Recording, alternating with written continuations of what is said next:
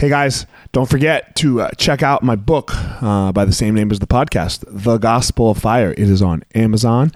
Um, so just go on amazon.com the Gospel of Fire, or you can just simply search my name as well, Elliot Marshall, and it will pop up. You can buy the Kindle version or the paperback version. I appreciate the support, and it just kind of goes up in about my life a little bit as a as a, a memoir ish to self help ish type book. But uh, check it out. Leave a review if you so choose, and you find it helpful or unhelpful. Either way, so Amazon.com back and then search the Gospel of Fire. Guys, the podcast is also brought to you by Onnit, O N N I T, Human Optimization Company. Again, code word Elliot is the code word for your order on Onnit. You will receive 10% off. Again, O N N I T. All kinds of stuff for human optimization. They have supplements. Um, man, they have the total human. They have all kinds of stuff. Alpha Brain. I love me some Alpha Brain every once in a while when I know I got to sit down, get some work done. The brain just kicks in a little bit. I've uh, I've enjoyed using the Shroom Tech Sport. It gives that little extra boost when I'm when I'm getting ready to go do a workout. So again, O N N I T code word Elliot, and you will receive 10% off your order. Guys, this podcast is being brought to you by Evo Labs. Evo Labs is a cannabis company who uh, has some of the best CBD products on the market. I really enjoy all uh, their CBD products. They have an intense salve that is my favorite product, where um, deals with muscle soreness. You rub it uh, on your muscles. You rub you know rub it on your body after a shower, and uh, man, really helps relieve the soreness. The other CBD products, um, all kinds of different ones um, that you can intake or use, some for sleeping, some for stress and anxiety. Anyway, evolabs.com. Go check them out. And you type in the code word fire and you will receive 10% off your order. evolabs.com. Ever have sore, beat up fingers after jujitsu? We all have, right? Ever wish there was a better way to ice them down than sticking your fingers in a cup of ice water? Well, now there is Penguin Fingers. Invented by a Jiu Jitsu black belt, Penguin Fingers remove the soreness from your fingers or your toes in just minutes, allowing you to train harder and longer with less damage to your digits. Chronic inflammation is like sand in your joints. Training day, day in and day out with sore, irritated fingers can leave them arthritic and knobby. Penguin Fingers can stop all of that before it ever starts. Penguin Fingers non toxic, reusable individual finger ice packs come in boxes of one, two, or four soft gel sleeves. Simply keep them in your freezer and roll them out onto sore fingers or toes as they're needed. Available on Amazon or at penguinfingers.com. Fingers are life tools. Protect them. Use code 10 the fire and you will receive 10% off at checkout. Again, 10 the fire for 10% off at checkout at penguinfingers.com.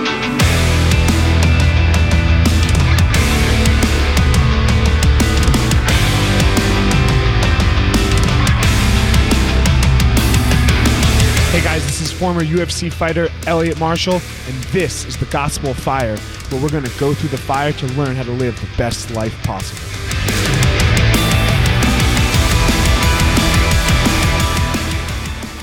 What's up, guys? Um, so I'm going to do like a double intro. I'm going to do a little, uh, little talking before the podcast, I guess I would say, and then and then I'll get into the intro for the podcast for this episode. Um, man, I just I had a great experience today. Um, so sometimes like with all that we do and, and like or I should say with with a lot of the things that I do and I'm not going to say I do them well. I'm I'm a I'm a human being. Um, I fuck up in my delivery often. Um, I overstep. I uh, I go too far. I'm not I'm not always cautious of my audience. Um, and and then also combined with uh, with the the growth of uh, my schools, our schools, the Easton schools. Man, it's been a lot of it's been a lot of dealing with um, problems, big problems lately, and um, with tough conversations and all kinds of stuff. And sometimes you, I get to this point, or I was getting to this point where I'm like, man, what the fuck is this really worth it? You know, is, is all of this that I, all of this that I, that I'm taking on really worth it? Like, you know, I could, I could just, I could just like sit back, teach, do what I, you know, keep the schools, you know, where they are, not try to grow anymore, no more, no more, none of that, and which is, you know, and just kind of ride it out, you know, ride it out. And, and it's not even ride it out. I'll still go, I'm going to go in and teach all the time. I love teaching. I love doing all that. Um, and I'll, that, that will never change. Um, but we do, we did have this goal and I do have this goal, uh, to change the world, uh, through, you know, one person at a time, one academy at a time, one class at a time. And, uh, and I, I, fuck it up all the time, as I said earlier. So, um, you know, but it gets, it gets, it weighs on you. You know, it weighs on you sometimes, and you're wondering if if, if it's all worth it. And I was in my Whole Foods today, and uh, a family that, uh, a fam- uh, mom and dad that have been with us uh, since their kids are, since their kids were very young. Um, and now their kids are are grown. Uh, one one, I think they both actually work for me. I know I know the the daughter does, and um, the mom, you know, we talk. We see each other often in Whole Foods, and the mom, uh, the mom and I started talking. Hello, blah blah blah. You know, just you know, chitter chat, and then she just asked me. Um, she asked me if I knew what what Pure O was, and Pure O is what's called Pure OCD. And I was in. Uh, so if, if you want to go look that up, go look that up. Um, it, it, I I verge on Pure I might have it. I'm not. I'm not sure if I do or not. Um, but she does is what she told me and you know she was you know we were just like talking about how we both kind of mitigate that mitigate our stuff and like i'm pretty close to Pure O I, I, like i said i don't think i have it but um so uh you know and then and then she she got to this point where she said hey you know um i i found a therapist and uh that that when i that that really specialized in Pure O, but I was having panic attacks while driving, and this therapist was 45 minutes, 40 minutes away from me, so I I, I couldn't get to my therapist because uh, she. Uh, I'd, I'd have a panic attack, and then she's like, "But then, you know, like you started your podcast, and I, and there was just something about your podcast that like would snap me out of of my anxiety for 15 20 30 minutes. And it would get me to uh, it would get me to my therapist. And I'm doing better now and and uh, fuck man you know? And and then she continued with some stories about uh, her her family um, where where she was talking about this time like you know so this this uh, this time period lasted four years for her this this this deep deep deep anxiety struggling with the Pure O um, and she was just talking about some of the things for her family and she has a child with it who had a, a bad speech impediment and she was just telling one of the stories where he'd never spoken publicly before in his class in anywhere and you know he's in jiu-jitsu class with one of the instructors and they're doing this thing like the where you put your feet together and flap them like a butterfly and um and, and, you know we we asked the little kids hey where are you going to fly to today? And you know he's he's never spoken in public before. And, and all of a sudden she sees him raise his hand and she goes oh my god like her, her heart drops because her little boy here is going to mumble some incomprehensible stuff out and uh, and then be ridiculed probably and this is about to go so badly. And he does it. Blah, blah, blah, you know she said and uh and the and the teacher just rolled with it. He's like yeah man that's where we're all gonna go today. And like the kid like her little boy now actually like felt good about what he said and like this is all just like through the schools. And and um, you know we we taught him. And you know there's a, a rough period with with not a rough period but like sometimes you know parenting. Like it's hard to teach your kids. And and she and she was explaining where her husband and and the son like they were bickering or whatever. And like you know like one and and my my CEO Mike taught him how to ride a bike but he didn't know how to ride a bike. And just like this like this whole thing and like I almost cried because I was like, God damn, right, right at that moment, right at that moment where I was like reaching my breaking point a little bit with with handling just absolute and utter bullshit, you know, or, or what I what I deemed bullshit, let's say. Um, there there it was. And she's like, whatever you do, just keep keep doing what you're doing personally. Keep spreading the message. Keep doing what you guys are doing at the school. I can't thank you enough. Like you got you guys were the backbone. You guys were the rock for my family to, to live on. And that that's worth more than all the bullshit in the world. So, um, yeah, we got to keep going. You know, we got to keep going. Every time you, you know, for me, every time I like that, that's going to be my motivation for a long time. Every time I think about like, ah, is this worth it? Is this blah blah blah? Because man, let me tell you, I don't see any money for this thing. I'm not. Tr- I'm not. I don't know if I'm trying to see any money. I, I lose on this. Definitely, I have to. Pay, I have to pay um, to edit and all that stuff. So I, I lose on this, but I don't lose on this. You know, my, my, my bank account might go down a little bit, but goddamn, my emotional bank account goes way up with stories like that. So, um, man, hit me up. Even even even when I do bad, even when you disagree, but but you're listening and and and it, and you it makes you feel good. Don't man, hit me up. I don't I don't. Uh, you know, please please do it in a respectful way. Um, don't you know, if if if you have something disrespectful or just plain out mean to say, I mean, I guess you can do that too. But you know, you definitely won't get a response. um, but uh, yeah, I, I, don't I don't mind it uh, for sure. Even like you know, I, I, so I appreciate I appreciate that story. It, it uh, I literally almost cried in, in Whole Foods today. So um, that was just my little rant before we get going today on the podcast. Uh, Rich Franklin, man, the champ, Rich Ace Franklin. I was sitting on my back patio on a Monday night and I got a phone call over WhatsApp and I was like, who the hell is this hitting me up? Normally it's a vendor, you know? Normally it's a vendor trying to sell me some shit over WhatsApp. Normally it's a text. I was like, man, this guy actually has the balls to call me to sell. And, uh, you know, Rich is in China now working for ONE FC. So over WhatsApp it was. And he was like, I got 45 minutes to an hour right now. You want to do this? And I was like, well, hell yeah, I'm going to run upstairs. So uh, here we go, guys. Rich Ace Franklin. So, uh, man, talk about an impromptu phone call. You know, uh, I've been trying to get a hold of Rich Franklin through my friend Chris Mearswack. Rich is in China, and uh, I'm over here in the Colorado. And then I just got this phone call on my WhatsApp, and I'm like, who the fuck is this? And I was like, oh shit, I think that's Rich Franklin. So I answered it, and, and here we are. What up, man? hey, what's going on? It's funny because when you answer the phone, you're like, you had that attitude or that sound in your voice. Like, yeah. Who's this? And I'm like, hey, like this Rich Franklin. You're like, oh, hey, what's going on? So here's the deal with that. I own uh, martial arts schools, right?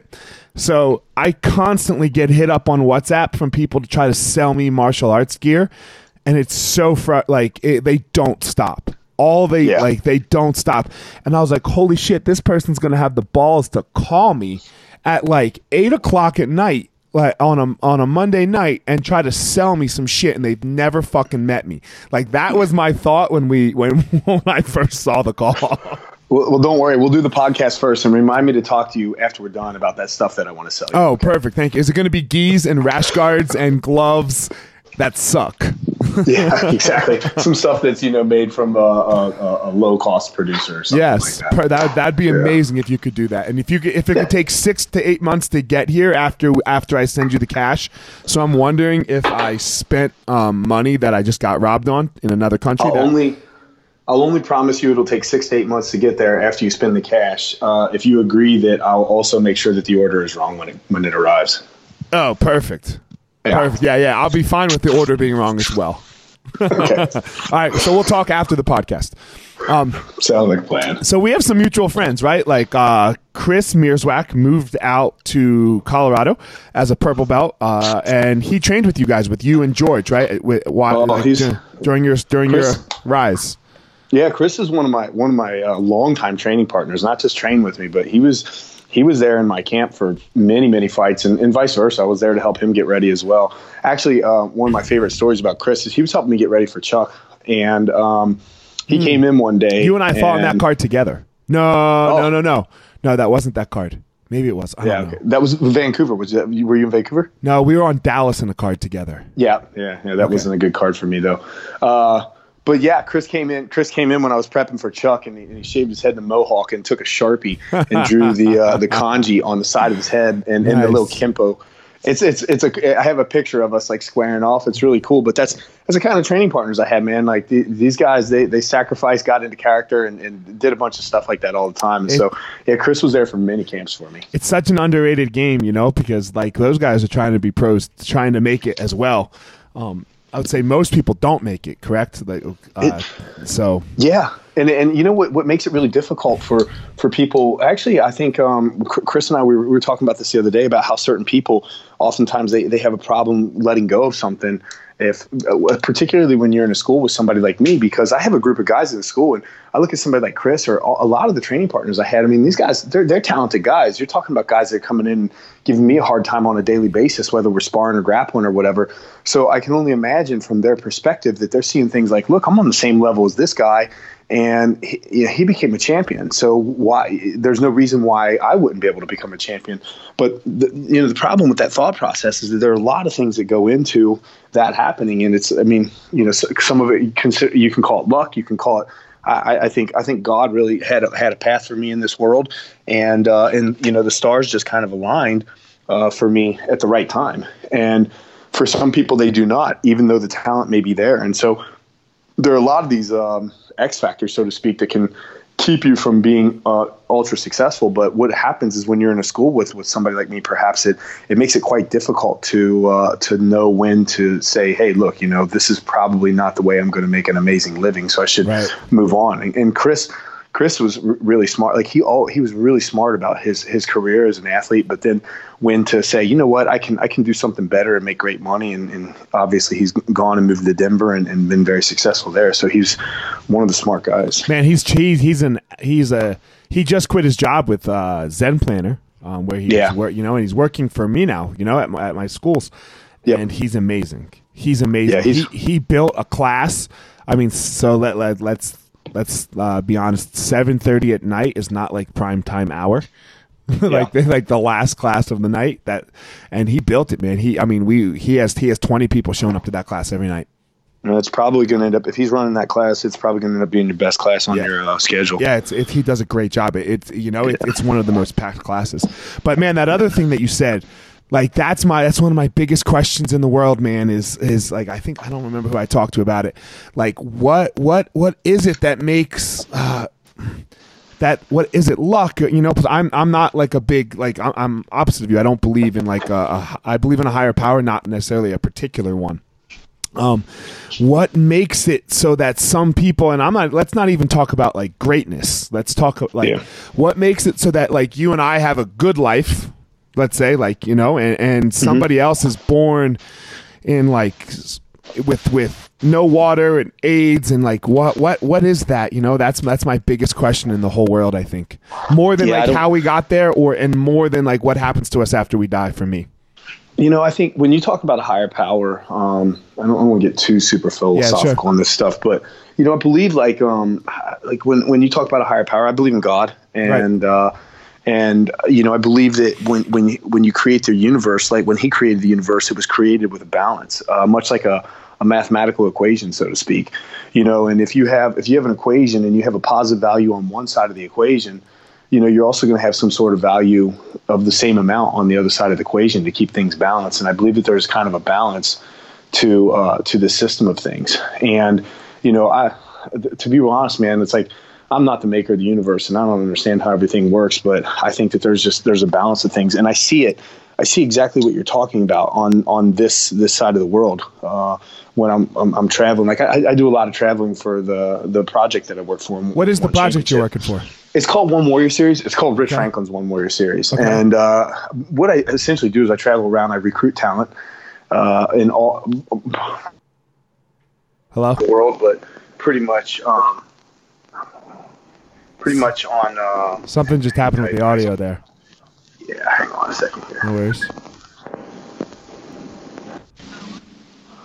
Yeah, is this better? Yep, Sorry about that. Yeah. no so I, I, tra- I, travel around on this side of the world and I recruit talent for uh, or- for my own organization. And I have about 120 plus athletes on roster, and uh, and they compete. Uh, and so in traveling, when I go to some of these countries, like I'll be in countries like Myanmar, which is uh, formerly Burma, or uh, Cambodia or the Philippines or wherever I'm going, particularly in Southeast Asia, and you see a lot of poverty. I've, met, for example, I've met families. I've met families so poor that a family of five shared a single toothbrush, and and I grew up poor in, in the states um, by United States standards. Yeah, that's that not. Yeah, and I was just going to say exactly. There, there are and, different levels of that game.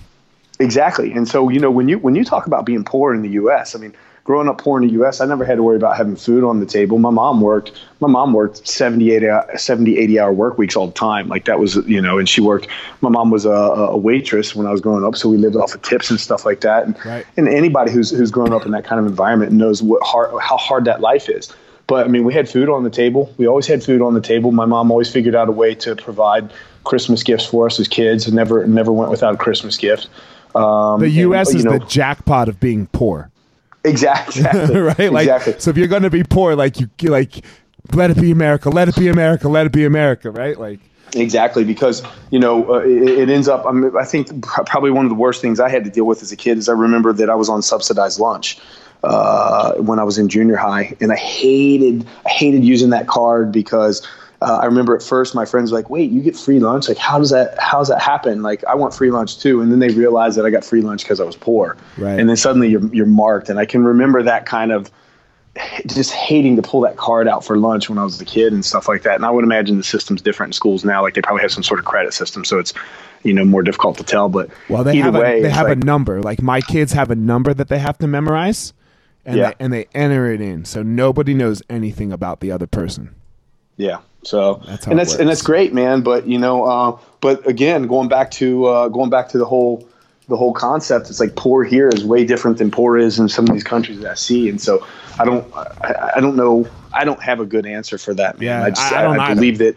I believe that the universe was set up with some sort of system of balance, and I believe that it's like the responsibility of us as individuals to to kind of bring that system into balance. You know, I was on growing up, I was on one side of the equation being very poor, and now I'm on another side of the equation being um, not very wealthy, but at least I've done really well You're for good. myself considering. Right, yeah, yeah. yeah, considering my starting point, and but I also feel that I have a responsibility to help people out who are in need as well. And so, you know, I believe that if I'm, you know, if you think of that that balance scale as like, you know, a, like a Libra, like a, you know, where you're you're on a tipping scale, the closer I can bring myself to the center, I'm bringing other people to that center as well. You know, kind of helping distribute things out. And I don't want to sound like a socialist or anything like that either necessarily. No, it's but, okay, man. I agree with you because I want to, I want to, I, I yeah, it's not socialism. um, it, yeah, it's, it's no, I call it sprinkling. You know, I stole it. It's called sprinkling the luck dust.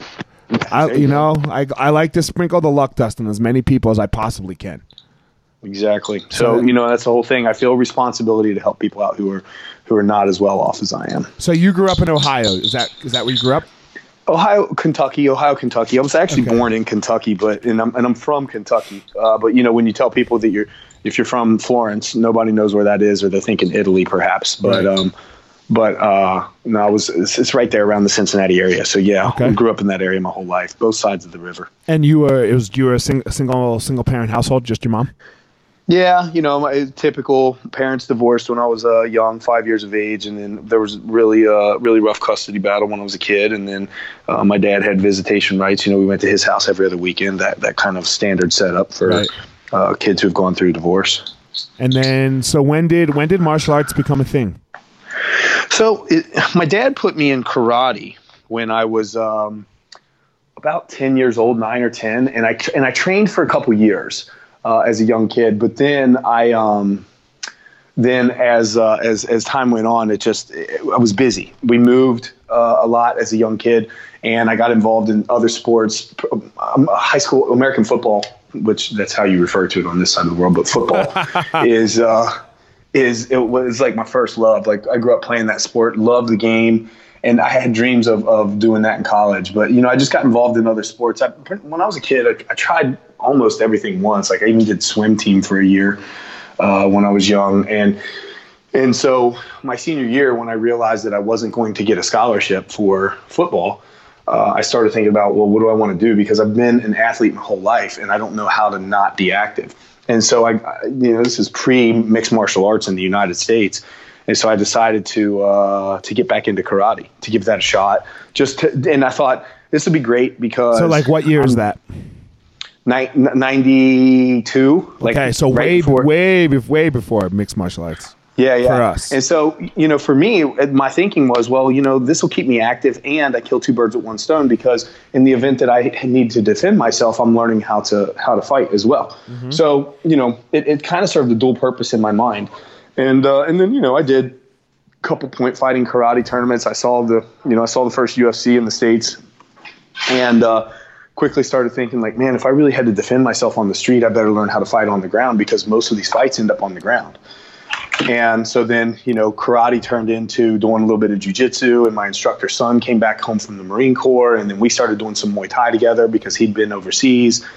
And I started getting exposed to all these other martial arts, and this was very quickly after I started training in '92. And uh, you know, so by I don't know, whatever 1994, 95, I was a blue belt in jujitsu, which at that time was a big deal. Oh you know? God, dude! I so my my teacher when Amal when he when he opened his school, he was a purple belt, and Yeah. like like people don't understand. Like this, I mean, purple purple was God. You know, Oh, it's purple. blue. uh, yeah, If you were a blue belt, You were a in badass. 1993. You were, yeah, Yeah, exactly. in Like, America, was- in America, Yeah. like holy shit, you were like we ran our town. Uh, we were blue belts. Like we wa- Yeah. like you know we ran the bars. Like I worked at one bar, my buddy worked at another bar. You know we worked between these two bars, and uh, like we just like there used to be all these problems in the bar scene in Boulder, and then like they all went away. no, yeah, As blue belts, we sucked, man. We sucked. It was just the aura of it.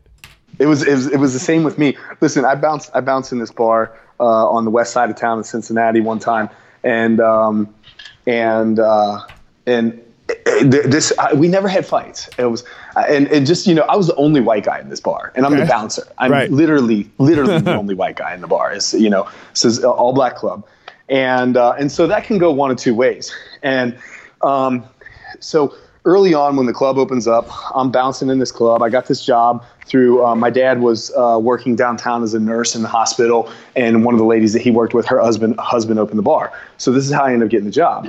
And um, and long story short this fight this guy starts getting out of hand just like a week after the club uh, opened up. And most of our clientele were higher end clientele you know people that are wearing like not really expensive clothes and you know Louis Vuitton shoes and Gucci things and stuff like that, and not the kind of people that want to get in fights. And this guy started getting out of hand a little bit, and I just remember that um, I tried to walk him out and be nice, and you know I, I had I had watched Roadhouse several times, so I, I know you know be nice until it's time not to be nice, and always take it outside. But um, I just remember, and I was I, I was Yeah, that's the line of the podcast. I've watched Roadhouse several times. I don't know where you're Exactly. gonna beat that one, man. He said, "Come on, man! It's like it's, that's part of my that's part of my I get handbook for being a man." I get it. So, uh, in the 1980s and 1990s version of Patrick Swayze can teach anybody how to be a man. You just need to watch um, Roadhouse, uh, Point Break, and Yeah, Dirty Dancing, and it. you pretty You're much good. got all three bases You're covered. good. Yeah. But yeah, man. So this guy, I put him on the ground and ended up putting him in a collar choke with his own button-up shirt, and nobody had ever seen anything like that before. Uh, and so I suddenly get like labeled as this crazy Yeah. guy. Like, and, you know, people did not want to mess with me when they came in, and that's the only only issue I ever had in that club the whole time. Because after that, I had this reputation for like, you know, I had probably like studied with some mystic arts in the mountains, Dude. you know, in the Himalayas or something like that. dude when they especially like when they see the person like starting to wake back up like and and they convulse a little bit sometimes right Yeah, and people are yeah. like oh fuck that guy's dead you know they're like oh fuck that guy's dead like what the fuck you know and they're losing it and you know he's gonna be okay and you're like damn i'm never gonna have to do this again Like, exactly. i'm never gonna have I- to do this again I had made my job as a bouncer the easiest job in the world. Mm-hmm. Yeah, it's so simple, right? Like, I mean, we I choked one football player out. That was it. You know, that that's who our problems used to be with is the football team. I choked one dude out, and then that that that was we were done, and then we were all friends. Like, I they'd come in, I'd say hi, they'd say hi. There'd never be any problems, you know. And it's like, yeah, one time. So yeah. Um. So you're bouncing in a bar, and like, so when, like, so when did when was your first fight? Uh, why was your first fight, and like, when did you get hooked up with George Gurgel? Yeah, so i i- interesting. Um, back in the day, I was I was training. Uh, so my instructor's son, I, I, I when I was doing traditional karate, he had two sons, and one of them was older. He was about my age, a couple years older than me, and he he had been in the Marine Corps, and he come back from the Marine Corps, and he and I started started doing some Muay Thai together. Uh, and then his younger son, um, who was on the first season of The Ultimate Fighter, Josh Rafferty. Was um, he and I were good friends and Okay. kind of grew up together. He's a few years younger than me, but um, he and I had been training for the longest time together. And uh, yeah, I had been doing jujitsu at the, at the jujitsu school for the longest time, but then kind of quickly outgrew the school. Like, you know, if you, if you so the learning an easy curve, thing back in the day to outgrow your school. Yeah, exactly. I mean, you know, if you have the learning curve for it, it, you know, it doesn't take long to get better than say a blue belt, even if you're being taught by blue belts. Right. And so, you know, eventually he and I we started we started working out, and um, you know, there's this famous story about us working out in this. Um, uh, lawnmower shed in his yard, and it was actually it, it, was in his yard where we were doing this. The shed that his mom had set up for us to train in, and at the time we were just we were learning a lot of stuff with uh, you know videos, watching videos, and it was VHS at the time. You know, Fuck this yeah, was pre, There's no internet, man. Pre, no, yeah. yeah.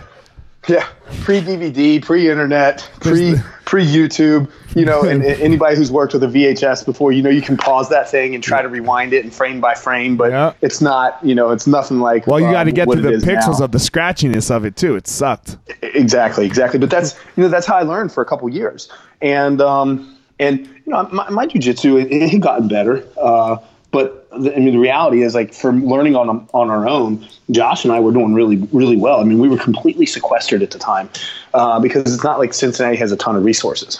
And then, and then uh, we had been training, and we went. We saw a flyer for a local MMA show. It was like, well, let's go check this out.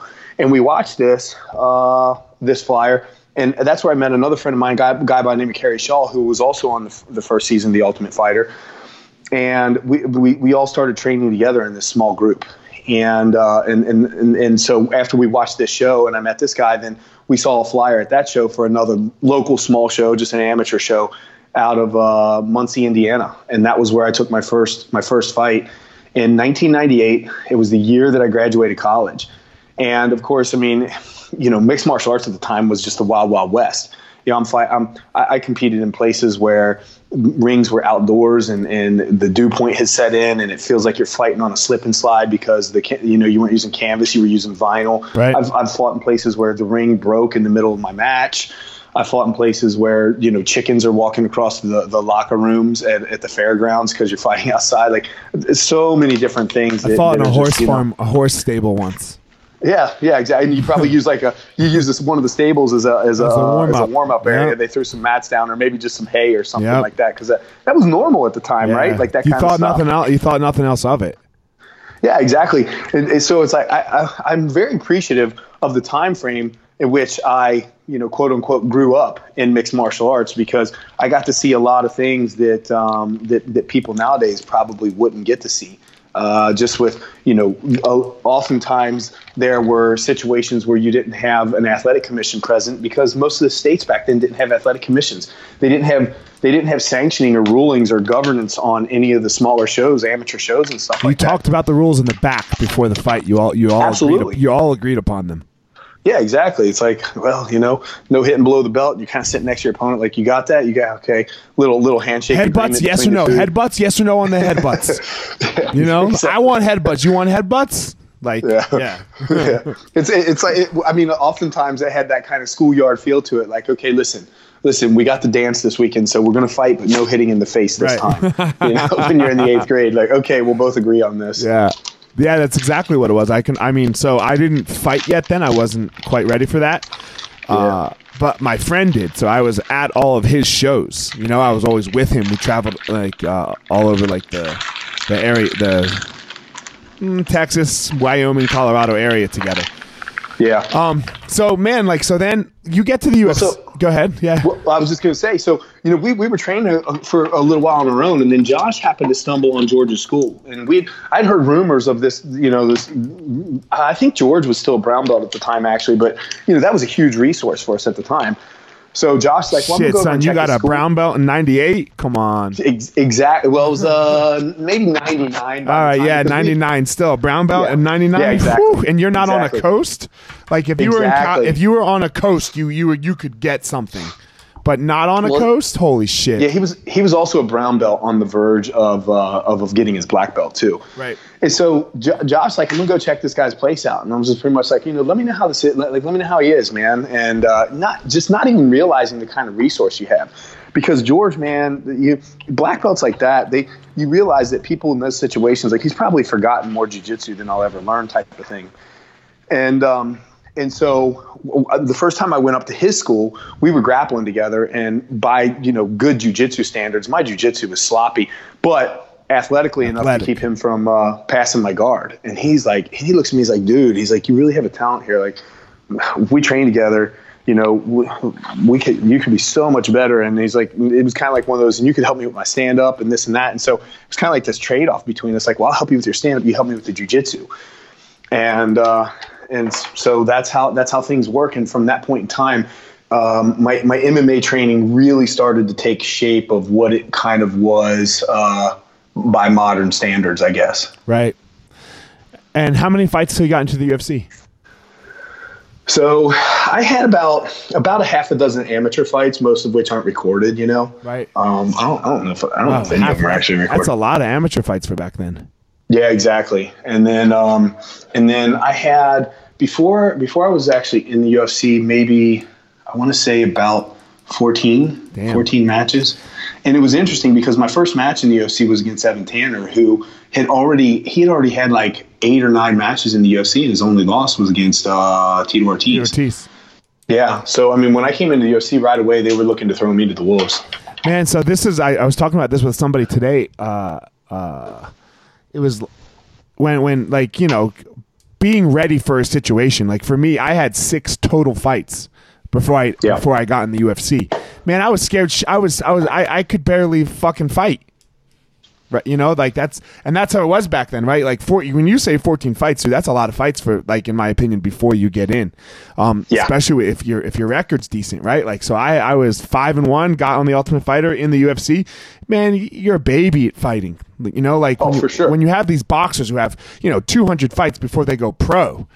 And yeah. you know, like fighting is just well, so second nature to them. So that's that's the whole thing. You know, a lot of these young guys, man. I tell young guys now, I'm like, dude, listen, get get all the amateur fights you can. Like get get this this uh, this experience under your belt because there's so many things that so many things that can make you better as an athlete. Like and, and people are such in a rush. Like, why would I fight amateur when I can fight professionally and get paid? And yeah, I mean, I get the point. I, I had to I had to put my time in. I remember my first fight that I got paid. I got paid 200 bucks for my first my first paying fight. And the thought, I was like, holy crap, you can make money doing this. Wow.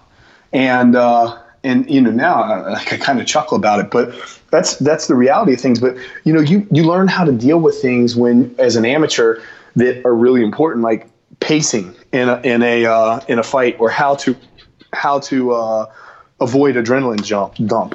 Or that, that takes to, time though. That takes like that takes it happening to you a bunch. That takes exactly. you like working through that. Like and to work through that in the UFC sucks.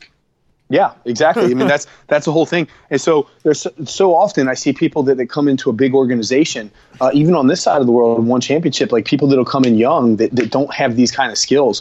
And there's so many skills, and I just think to myself, you're you're in this organization and you only have you know four fights and now you have to learn how to how to pace yourself how to unfold a game plan how to listen to your coaches how to avoid adrenaline dumping all these all these other factors that make that make an athlete great. Because at the end of the day you got to remember this you don't have to be the greatest fighter in the world. You just have to be better than the person standing across the ring on a given night. That's it. That's your job. And that all all these things all these skills have to just like culminate simultaneously into one single night. And if and if one of those factors is, is, off, if you had a bad night of sleep and you don't have the energy that you need, or if you got in an argument with your girlfriend, or if you know you're anxious about something and you know your adrenaline is high and you're coming into the the match with a, a higher than than normal heartbeat or something like that, like all these things come into play. And, uh, and, and, can and can really mess up uh, really mess up a performance. And, and so it'd be great to, to learn how to deal with all of those things when they don't really matter. Exactly, and that's yeah. and that's what the uh, that's what your amateur amateur career is all about. But yes. people, you know, people see the glory, man, and they want to get there as fast they as want, possible. They want that Conor McGregor money, man. Boom. You know, they want that Conor McGregor money. Which, good luck with that. You know. Good yeah, you know what? I, I see that, and you know, people people always they like they look at me and they think like, man, you feel like you missed out because I was on that wave of of uh, mixed martial arts right before. before yeah. And I just I sit and think like, you know what? I don't. I mean, it would be nice to have a couple more zeros in my bank account for sure, but um, I don't know if I would trade my experience for those dollars, man. I, I was I was in, I was uh, the, in this sport in an epic time when right when it was starting to legitimize, right when it was starting to be accepted, and and uh, so you were and, more than in the sport. You were a champion in the sport. Yeah, exactly. And I was a pillar of, of growing this thing. Yeah. You know, they used me as as the uh, look. This is this is not the the stereotypical what you would think a fighter would be like. Smart No. people fight too. This guy's a teacher. Teacher, yeah. So yeah, so it was um, it, it, it was cool being part of that whole thing, man. What was that like if when you when you fought on like uh, Saturday and had to go to work on a Monday in like school? Oh, dude, that's that was crazy. Uh, uh, here's a funny story. So, you know, I quit teaching. I quit teaching in 02 uh, full time, but I was still working part time, uh, one to two days a week in an at risk program. And uh, and it, this was the kind of program where students would do their curriculum on a computer, and I was just there to basically help them with pretty much any subject, even though I was I was math certified. But so all these students would wait until I was working to ask me all the I, math. I and was a, I was a math major too. Yeah. So it, it was it was really really really cool program and um and and and I I worked all the way in this program part time up until about um 10 days before my title match with Evan Tanner. So that means I was working during uh, that was I had what three three bouts prior to that. Yeah. So um so I was working d- during the time where I was actually Why don't you call them fights? Why do you call them matches and bouts? Oh, I don't. It's I don't know. It just, Just it's a just habit? Okay. Yeah. So um. So anyway, it was funny because you know at the time, like just to rewind things a little bit, Ken Shamrock was one of my favorite favorite fighters when I was in the early days. Right. I mean, he was the first guy that came out that was truly for the for the initial phase of, of athletes in in the UFC. He was the uh, he was the first um, first guy that was kind of really a mixed martial Mixed artist. martial like he had some grappling yes. You know like he was like that he was like that that that you know mma 1.0 athlete before the next generation He's the like first MMA fighter. Everyone else fought NHB, no holds barred, right? Like, well, and uh, well, everybody else was a specialist in Yes. a particular art like Right. jujitsu or karate Yes. or boxing and so I really, I really uh, looked up to him during this this time frame. And man, I mean, he looked the part. He walked out looking like a Roman gladiator, right? right. And so, you know, he, he ends up making a name for himself more mainstream because he does professional wrestling for a few years uh, after he had transitioned into that. And then he comes back. And all my students knew who, who Ken Shamrock was. So they would always ask me, like, hey, do you, uh, you think you could beat Ken Shamrock in a fight? And so I'm sitting there like, yeah, that'd be no problem. Running my mouth as a teacher, never dreaming, Sure. never dreaming that I would be standing across the, you know, the, the cage from him. And sure enough, man, you know, my students are asking me this. And then in March of that year of 03, oh, was it 03? No, no, that wasn't 03. It was 0, 05, March of 05, when uh, when I'm standing across the cage from him, and I'm like, oh my god, I talked, I was talking all this junk, joking around with And my now kids, here and I am. now, yeah, now I got, I got, I got to see if I can cash this check that my mouth has been, Sure. been writing the whole time. Yeah, for sure. Um, man, so Chris told Chris uh, told me to uh, to get you to talk about a specific thing, if you would. Um, the I believe you said it was the second Anderson fight, Yeah, and um, so obviously the first one didn't go well for you. Uh, Yeah. and and it actually, which I think. I think you've described it really well in, in the past. Like it went exactly how you planned, like in the clinch, and you were like, "I'm going to kill him here." And I think like, and then when that doesn't work out, it's like, "Oh my god!" Like it's very people don't understand what that's like. Like here. I am. This is this is my sweet spot, and oh my god, no, this is not. What do I do? Yeah. Like what do I Exactly. do? You know? because you, it, when I looked at Anderson prior to our first match, uh, I always thought like, well, this guy, I'm bigger than him, I'm stronger than him, and I had been working extensively on my wrestling, and I had never like my style of doing quote unquote Muay Thai because I don't consider myself a Muay Thai fighter. I'm more of a boxer that just throws some kicks, some Muay Thai Sure. style kicks, and so um, you know I've never been a clinch like a clinch fighter, and uh, but I, I thought if he clinches me, he's in trouble because I'm so much stronger than him. And so in training in that for that that fight, like we completely neglected all the clinch training. And uh, and you know, I thought like taking him down won't be an issue or any of that stuff. And man, the moment he caught me in that clinch, and then and what he does really well is it's not that he feels super strong, but he takes your he takes your balance, he manipulates your spine, and then the moment you start working against that, then he uses your own energy against you. Against you. Uh, and then yeah, and then and then suddenly now you're more off balance the other direction, and then you fight, and then he'll use that energy, and so on and so forth, and it's just this this like you're sinking in quicksand, and There's nothing you, can do about it. Exactly. Yeah. So we made we made a lot of adjustments in the in the second in the second fight against him. Um, there were a lot of things we did differently. That that fight was in Cincinnati, which was my hometown, right? And there was a lot of pressure on me for the that first one. fight. So, yes. No, the, the second, second fight, one. Sorry, sorry, sorry. Yeah, yeah, okay. Yeah. Um, and so, I mean, there was a lot of pressure both times, you know, but the second one particularly because you, I, I had won a couple matches and, and, and worked my way back up to him, and now, um, now uh, here it is in my hometown. There's a ton of hype. I'm doing way more media than I want to. And I decided to just take uh, a group of my training partners and we all flew out to Wyoming together. And uh, we stayed in uh, Pinedale, man, just outside of Jackson Hole, okay. which I'm sure now is probably built up a little bit because I know BP had just kind of arrived there and they were doing some stuff with some oil piping. But at the time, Pinedale was, I don't know, population maybe like 2,000. There was no stoplights in the whole city, one one or two stop signs, and it was the kind of place where you know people would would pull up to the gas station on their their quad runner with their shotgun holster in the gas station, walking in you know pistols on their hips and stuff like that, which is my kind of town. Uh, and so it was just nice. Like it, it, almost feels like you went back in time 150 years. Right. And it's a place where life is really simple. So we got up to this place, sequestered ourselves, trained in the altitude, set up in a, uh, actually set up our, our wrestling mats in an archery range that was attached to a, uh, an ice rink. And, uh, and, and did all of our training there. And I, and I took a group of about 12 people up and and completely sequester ourselves. And we did a lot, lot of training, a lot of extensive training on the clinch. I think it showed uh, in in the second match. Like I actually think before I got clipped, I was probably winning the first round, yeah. and then I got clipped right as the uh, right as the 10 second call came out. And dropped and survived that round, but you know, I always jokingly say that Anderson it's, it's difficult fighting one of him, let alone when you can see two of them. uh, yeah. Makes it even more difficult. So uh, Some of so your yeah, anxieties came to play. Though uh, Chris told me he was like, "Man, you uh, like when you were walking out, you hoped the the lights would go out." Oh, I do this. I do this every time. Me too. This, this is one of the things that, that I talk about. Like I, you, you know, people like.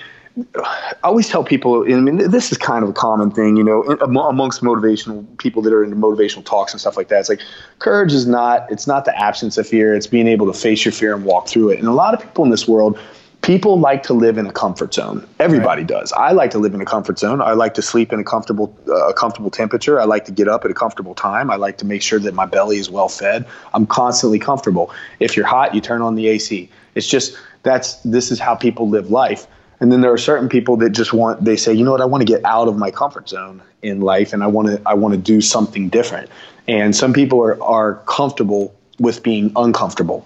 And, uh, but even even if you fall into that category, and I would consider someone like myself, or even someone like you, obviously, who pursues a, a career in, in in this kind of sport, is a person who's comfortable with being uncomfortable. But that doesn't mean that when when it's your call time, when it's time to go, that you're not scared. Scared shitless. Uh, Exactly right because because people you know even when you're walking out like you got this stone cold look on your face or you're smiling or you look like you're about ready to have the time of your life uh, because that's that's what you do. But I mean, the reality is that you know all these these fears and anxieties that are inside of you uh, are they, they manifest, and you start asking. I was always like, you know, I would literally pray to God. I'd be like, Lord, if you could just make the lights in the arena go out tonight, so that I have basically so that you have an excuse to be a coward that's not on you, that it's on something else is essentially what you're praying for. Because ultimately, if I have to be the one to make myself the coward, then I'm, i would rather face my fear than not. Well, sure, you're not going to do it. You're not going to make yeah, yourself the coward. Yes, exactly. But a lot of people, a lot of people will fold, and that's the difference between people who accomplish great things in this world and people who don't. It's like everybody's afraid. It's just there are certain people who refuse to fold. This is my biggest um, thing that people say when they when they when when people go, yeah, man, I'd fight Mike Tyson for for two million bucks, and I'm like, like Mike Tyson in his heyday. I'm like, no, you wouldn't. No, you yeah. wouldn't. You you you you I'll give you a 50% shot at showing up at the arena. Yeah. 50%. And then like now we're talking about fight actually, right? We're not talking about like take the first jab and fall down. You have to go out there and really try to win. Um, yeah.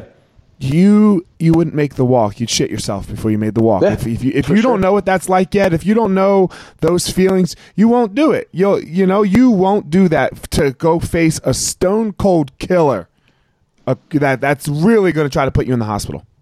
For sure, for sure, man. And it's you know, but I, my anxieties and my fears, uh, they never came down to uh, to the like being hurt or anything like that.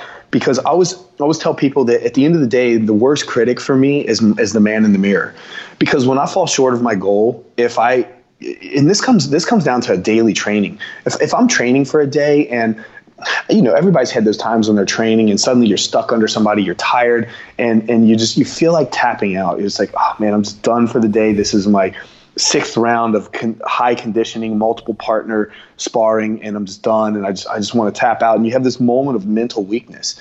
And you know if you succumb to those thoughts for me personally when i go home i gotta i gotta i'm showering and when i'm done showering i wipe that I wipe that uh, the, the the mirror down. And I'm looking at myself in the mirror, and then I suddenly think like, you gave up today, and nobody else knows. Your coach doesn't know. Your training partner doesn't know, but you know. And and I'm my own worst critic. I'm so hard on myself that I can I could never let that happen.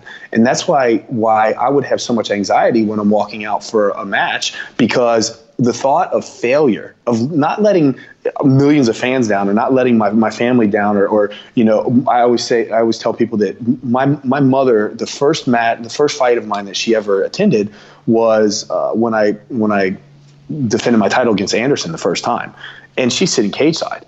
So imagine what that feels oh, like for ah, my yeah, mom, yeah, right? Yeah. But at the end of the day, I'm not going home worried about, oh, I let my mom down or this or that. Or uh, I'm sitting there and I'm, I'm thinking, I let myself down and you start evaluating where you really mess this thing up. And it doesn't come to you. Not everything is immediate because I sat there. I sat there at, at the Mandalay Bay, staring out of my, my hotel room, looking at the I five, watching traffic go by until the sun came up the following morning, just asking myself like, how did this happen? How did I get here?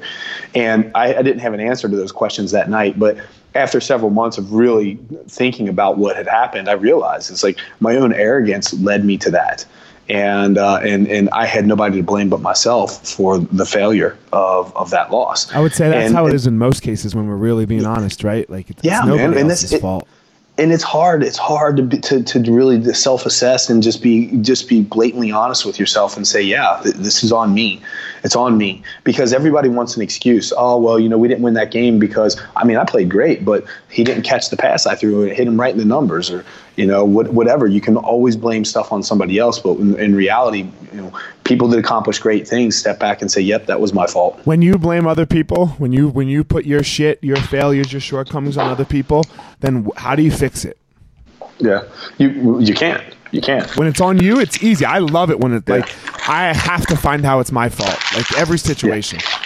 So because I, always say this, like here's here's the reality. If I if I have a coach, for example, let's just say that, that the reason why I lost one of my fights was because of my coach. My coach had a bad game plan and I listened to him, or my coach did something or whatever then I, I should have I should have recognized that it was as it was going on. I'm, I'm, I'm a free agent. I'm a thinking person, and I, and I know as these things are happening. And I should have replaced my coach, but instead I didn't because I have loyalty to this person, or I did you know whatever.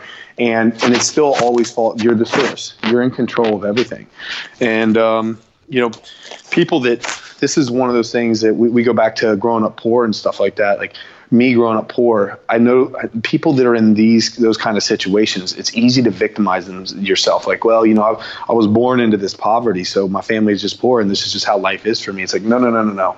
It doesn't have to be that way. Like, you can you can create your own destiny. You can change your stars. You can do whatever you need to do.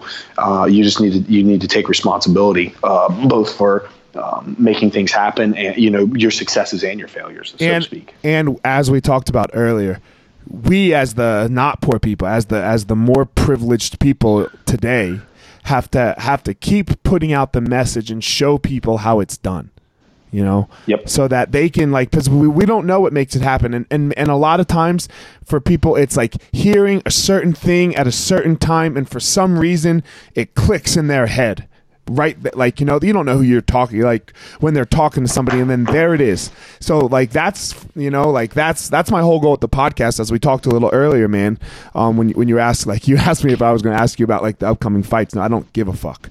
Right? you know like i don't give a fuck because there's there's plenty of people. You go go listen to big brown breakdown you know like i'm i'm sure like and, and man, people love Brendan.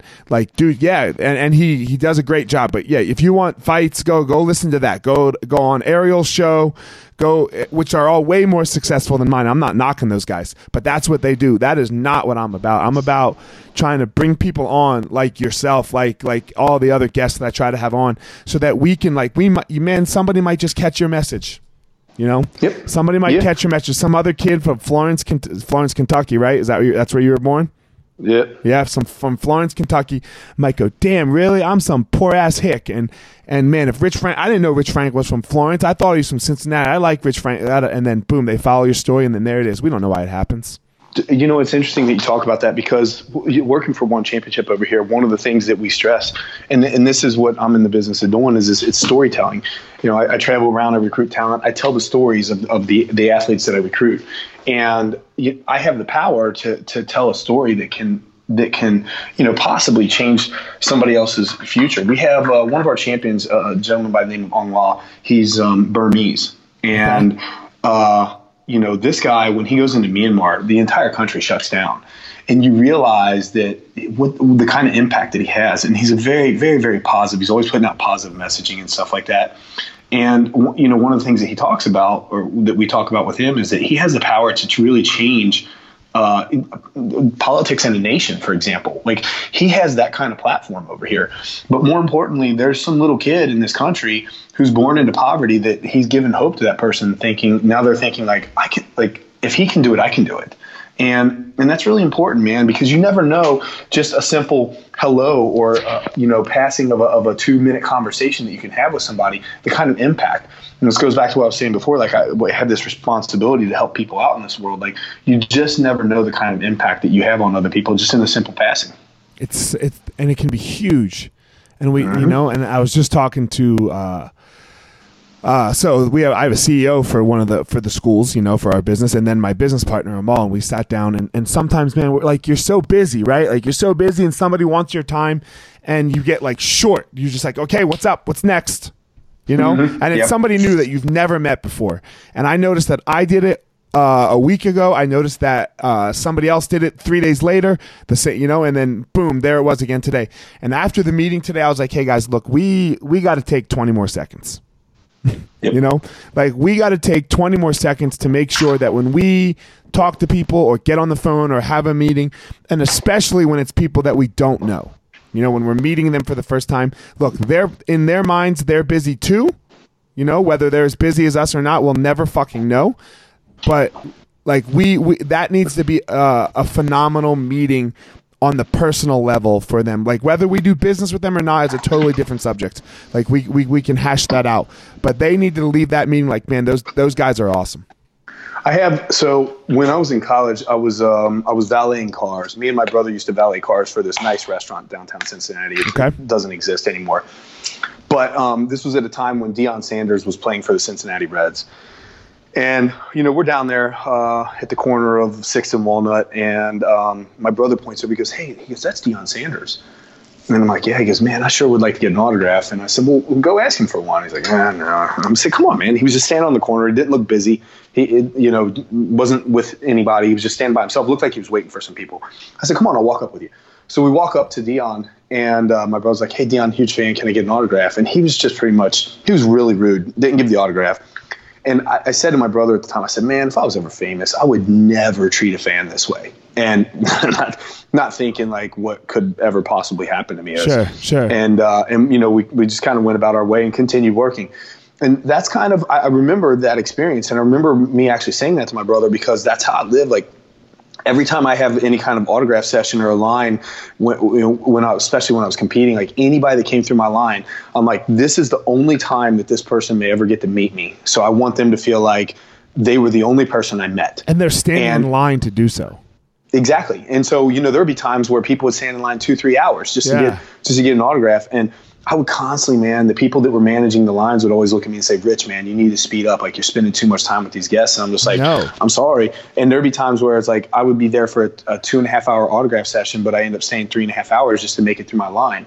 Um, and and I was I was I was always so important to me. Like I, I it would be rare it would be rare if if I could find a fan that was like, yeah, no, actually, I met Rich one time and he was a complete jerk. I would I would be truly truly uh, truly you know upset by hearing that because I've, I've gone to great lengths. Uh, so much so that actually, be, uh, you know, I'm uh, living on the other side of the world and doing all this traveling. I didn't have time to go accept my, my Hall of Fame award. And so I sent in uh, a video that basically thanking thanking the fans, the UFC, and everything. And somebody had posted on my uh, my social media, like I traveled all the way down to Vegas. Like he was upset. He traveled to Vegas and I wasn't there. And it's like I, I, I came there to see Rich accept his speech you know, accept his award, and he, he he couldn't even bother showing up. And I sent him, and I just sent him a message that basically said, "Hey, listen, I'm sorry. I'm, I'm sorry I wasn't there. I'm, I'm really busy, and if you let, let me make it up to you, I would love to sign a sign a you know an eight by ten for you and send it to you. I know it's not the same thing, but you know, it's my way of recognizing like you know these. let's, clear, let's clear that story up. Your best friend was getting married, and like you chose to go to his wedding. Yeah, but, you know, it wasn't wasn't it wasn't just that. I mean, listen, man, I, my my time is just really really limited. You know. Sure. So, but but, yeah. but that's where you were, right? You were in Mexico, and your best friend was getting married. Yeah. No. Yeah. well, the Dominican actually. Actually, the Dominican. Okay. Yeah. The DR. Um, so yeah, man, like you know, and things happen in life, but you put you put something else that I think was more important first. You know, you you uh, other than you accepting the the Hall of Fame award. You know, like you're you're you know so let you know, give yourself a little break. yeah. Well, you know, just I think when you don't show up to that, people automatically read into that as like, oh, he doesn't care. Right. Mean, it doesn't doesn't diminish the value. People just don't. You never you never walk a mile in somebody else's shoes, so you don't know uh, the kind of stuff they're going through. But you just got to realize that within the week of, of the uh, the Hall of Fame induction, I was probably in about six different countries sure. within that week. And you don't work so, for the UFC anymore. Well, yeah, but you know, still, it's I. no, I'm just saying. feels like yeah. Go ahead. Like I have a responsibility to the fans still. This is true, but you live in yeah, China. So. You live all over. You, well, live, you live the other Sing- side of the world. Singapore, actually. Singapore. Yeah. All right. Uh, and uh, so, man, you said you had to go in about forty minutes. We're about fifteen over. Do you want to? You got time, or you? What's up to you here? Yeah, no, I have a, I have an eleven o'clock meeting I got to be at. So we, let's um, let's you can it. you can edit this, right? Yeah, we'll edit that part out. Yeah. So, yeah, so uh, just whatever you need to do, close it up. Cool. A couple more minutes, and yeah. no worries. So, all right, man. Well, uh, I just want to say thanks, man. Like, I know this is like what time? What time is it there? Mm, oh, well, oh, you're not on Eastern time, so no. I'm. A, I'm. Um, go. What time are you? I'm. Uh, it's 11 a.m. Here. On what day? So on the, uh, next the day, day ahead of you. The day ahead yeah. of me, right? So I'm not. Yeah, so I'm probably tw- I'm 13, 14 hours ahead of you. Yeah, so I'm I'm about to be um 8:52 p.m. where I am. So um yeah, we we so got 14 hours ahead. 14 hours ahead. All right. So uh, but man, I appreciate you reaching out. You you know uh you didn't have to do this. We've we've met briefly and um I always appreciate when people like, especially uh, take the time to tell their story to me. And like, you don't like, like I said, we don't really know each other. So um, I, I, I, like. I like when that happens. So I, I greatly appreciate your time, man. Well, listen, I'm glad that I called you instead of texting you tonight. Um, we, we, can talk. We can talk a little bit about that that merchandise I want to sell you when we when we hang up. Here. I'm about to go to bed, but, man. You got what you needed. You're suddenly busy. I got now. what I needed. Yeah, I'm, I'm, about to go to bed, man. exactly. No, hey, listen, it's, it's been a pleasure being on, and uh, you, you got my contacts. So anytime you need me, just reach out, man. For sure, man. Uh, man, uh, the champ, Rich Franklin. Thanks a lot. Thanks for having me on. All right, man. Have a great have a. You're gonna have a great day, and I'm hopefully gonna have a great night. Yeah, man. Listen, seriously, Elliott. If you if you ever need anything, um, you got you got my contact. I do. Uh, Chris and I are solid. So anything I can ever do to help you out, if it's within my power, man, I'd be more than happy to. I really appreciate it, man. Yeah, man. All right, let's keep uh, in touch. That's for. I, I agree. Let's keep in touch. All right. Take have care, a great buddy. night. Have a great day. Yeah, Sorry. Yeah. You too. All right, man. Bye. Bye. All right, guys, thanks for listening to this episode of The Gospel Fire. Don't forget to check me out on all of my social media at Fire Marshal 205. Again, at Fire Marshal 205. Go to my YouTube channel um, Fire Marshal 01, that is, for YouTube, where you can follow. I'm, I'm, making these videos 100K strong. That's the goal for the year. I want 100,000 strong listeners to the Gospel of Fire. So I'm making, trying to make a video a week so that you guys can follow along on my journey of, of how I go about my day, some things that I talk about, some things that I try to work on for myself. And then finally, don't forget my website, elliottmarshall.com, where you can get up to date with everything that has to do with me personally, the Gospel of Fire. You're going to find all about my book release um, also called The Gospel Fire, February 12th. It will be for sale on Amazon that whole week for 99 cents. So, all that information at elliottmarshall.com. Thanks again for listening. Thanks to my sponsors, Evo Labs and Onnit. So, uh, that's it, guys. Hope you enjoyed the episode.